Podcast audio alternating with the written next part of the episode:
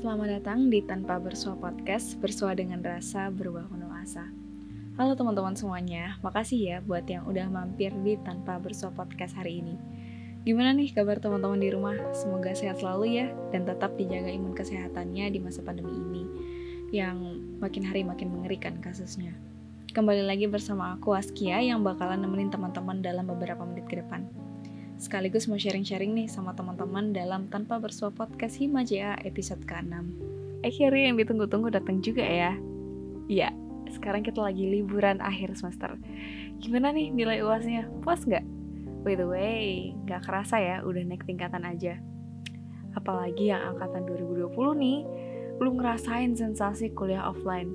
Sabar ya teman-teman, Jangan keluar ke mana-mana dulu ya, pakai masker dua lapis dan selalu dijaga kesehatan biar kita bisa berjumpa di kampus nanti. Gimana nih liburannya? Mau kalian manfaatin buat apa aja nih? Kalau bisa, isi liburan kalian dengan hal positif dan produktif ya. Kalau aku sih manfaatin kesempatan liburan ini dengan hal-hal yang bakalan nge-explore diri aku. Oh iya, aku akhir-akhir ini suka banget baca buku tentang self-development Sekalian ngebiasain habits biar lebih produktif walaupun lagi liburan dan tentunya sekalian self healing dari tugas kuliah. Soalnya capek banget nih sama tugas kuliah yang wow banget buat aku. Ngomong-ngomong liburan ini aku mau self healing. Kalian tahu nggak sih apa itu self healing? Kalau orang awam nyebutnya sih sebagai refreshing buat diri kita sendiri. Ngobatin segala hiruk pikuknya segala pikiran kita. Tapi menurut ilmu psikologi, Self-healing adalah proses penyembuhan yang hanya melibatkan diri sendiri untuk bangkit dari penderitaan yang pernah dialami dan memulihkan diri dari luka batin. Jadi, tujuan self-healing itu buat mulihin segala luka atau segala permasalahan yang kita punya. Batin kita juga harus bahagia dong. Jangan sok-sokan ngebahagiain anak orang dulu makanya. Bahagia dalam arti, jiwa kita nggak ngerasain luka yang dalam. Kalau kata Mahen, luka yang kurindu. Mana ada sih orang yang mau ngerasain luka? Pasti pahit dong, ya gak sih?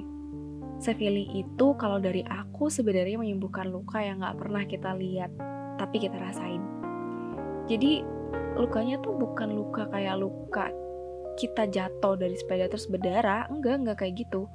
Kalau kita jatuh dari sepeda, tuh yang misal terluka kayak kita. Damage paling parahnya ya paling kita nggak bisa jalan. Terus ya diobatin atau dioperasi bagian kakinya. Tapi kalau self healing itu yang kena lebih tepatnya kayak ke mental kita atau ourself lah ya yang namanya damage-nya tuh ngaruh ke semua aspek fisik kita. Pertama kan mental kita tuh yang kena. Nah, mental kita ini mesin utamanya buat kita ngelakuin sesuatu. Mental tuh penting banget loh. Kalau pikiran kita lagi entah banyak masalah, pasti kita nggak mood kan buat ngapa-ngapain kerjaannya bawaannya tuh kayak pengen makan orang gak sih? Kalau mental kita bermasalah pasti kalian bakal ngerasain yang namanya depresi. Makanya sekarang kan banyak banget tuh gerakan buat melawan depresi. Kita ini masih muda loh harapan untuk masa depan. Sayang banget kan kalau kita nggak bisa ngelawan depresi. Aku tahu mungkin sering kali cobaan hidup ini berat banget. Tapi Tuhan juga tahu kalau kalian tuh bisa ngelewatin hal ini. Hidup ini Gak selamanya kok banyak cobaan. Semua itu ada jedanya. Dan kita bisa manfaatin jeda itu buat yang namanya self healing. Sebenarnya gimana sih caranya nyembuhin luka yang ada? Itu sebenarnya tergantung dari kitanya. Kalian pasti pernah ngerasain di fase yang mana bikin kalian ngedown. Mungkin pas waktu nugas ya contohnya. Ya, seakan kita ini yang paling berat banget kerjaannya tapi, seandainya kalian lagi ngerasa berat banget buat nyelesain tugasnya, entah karena susah atau lagi banyak pikiran, tarik nafas aja dulu. Jalan-jalan sebentar, ngeliat langit yang biru, ngerasain angin nyapa kalian. Just take a rest. Bikin minuman favorit kalian. Kalian sendiri juga harus sadar, semua itu ada batasannya. Step by step aja ngerjainnya Jangan terlalu dipaksa dan terlalu dipikirin. Kalau udah malam ya istirahat. Jangan begadang. Bilang sama diri sendiri. Makasih ya, udah mau berusaha untuk hari ini. Makasih banget udah mau ngerjain tugasnya. Kita kerjain step by step aja ya.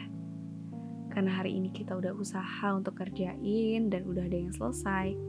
Kita istirahat yuk. Besok kan masih bisa dikerjain. Istirahat ya. Mungkin sering kali kalau nugas selalu nyemangatin diri yang ujung-ujungnya, yuk bisa yuk. Ya nggak salah kalau kalian selalu ngambis untuk nugas. Emang yakin dari semester awal sampai akhir ambis terus gak pernah ngeluh. Kalau ada yang kayak gitu sih, kayaknya taruhan aja ya sama aku. Ini saya bakal aku beli buat kalian. Enggak, enggak, enggak. Kan taruhan gak boleh lah ya hukumnya. Nah, di situ ada kalanya kalian itu harus rehat dari segala tugas yang membludak dan bikin kalian stres, yang ujung-ujungnya pada titik terendah, kalian pasti bakal nangis. Kalau kalian nangis pun, ya it's okay, luapin aja. Wajar banget kalau kalian tuh ngerasa capek, bersahabat dengan segala sambatan, karena kalian itu manusia yang punya rasa sekolah. Manusiawi banget kok. Kalau kata Mas Kun di salah satu liriknya yaitu, biarkanlah semesta bekerja, tenangkan hati, semua ini bukan salahmu. Gak usah terlalu lama stuck sama masalah yang kau punya. Semua itu pasti ada jalan keluarnya kok. Yakin deh. Tenangin pikiran, sembuhin segala luka. Aku yakin tiap orang itu punya cara healing yang berbeda kalau dari aku sederhananya ya nonton drakor karena ngeliat yang apa-apa nih cakep gitu jadi suka juicy gak sih Abis nonton drakor tuh rasanya penat yang ada di kepala tuh kayak auto hampas gitu. Dan mood itu kayak balik lagi buat nugas. Atau kalian yang penat sama ramainya perkotaan bisa tuh ke puncak cari hawa dingin. Mungkin dari yang Surabaya mungkin bisa ke Tretes atau ke Malang. Iya kan? Semuanya tergantung dari apa yang kalian suka kok. Yang dirasa mood kalian tuh bisa balik lewat si feeling. Beberapa orang sering banget tanya rekomendasi tempat si feeling dong padahal menyembuhkan diri sendiri itu bukan cuma soal tempat aja ada banyak banget cara sampai kita nemuin pola self healing buat diri kita sendiri. Gak semua yang hadir menjadi takdir, gak semua yang ada akan selamanya dan gak ada yang sembuh dengan waktu yang singkat. Sering dengar, biarin waktu menyembuhkan patah hati ini. Itu gak sepenuhnya benar loh. Tetap perlu ngajak diri untuk istirahat. Tanpa upaya, cuma ngandelin waktu. Apalagi patah hatinya cukup parah. Jatuhnya bakal sulit sembuh. Self healing adalah soal memaafkan, menerima, dan memulai kembali. Self healing itu tentang menerima dan memaafkan yang sudah terjadi. Jadi sekalipun kamu keliling dunia untuk self healing, tapi ketika pulang ke rumah hatimu tetap kosong, artinya tujuanmu adalah dirimu. Jadi bagaimanapun keadaan dirimu, yuk kita mulai belajar untuk menerima diri kita sendiri yang seutuhnya. Aku yakin kamu hebat. Buktinya seburuk apa pun hidup ini, sebadut apa pun kehidupan ini, tapi kamu masih bisa bertahan sampai sekarang. You're amazing. You did well, and you deserve to be happy.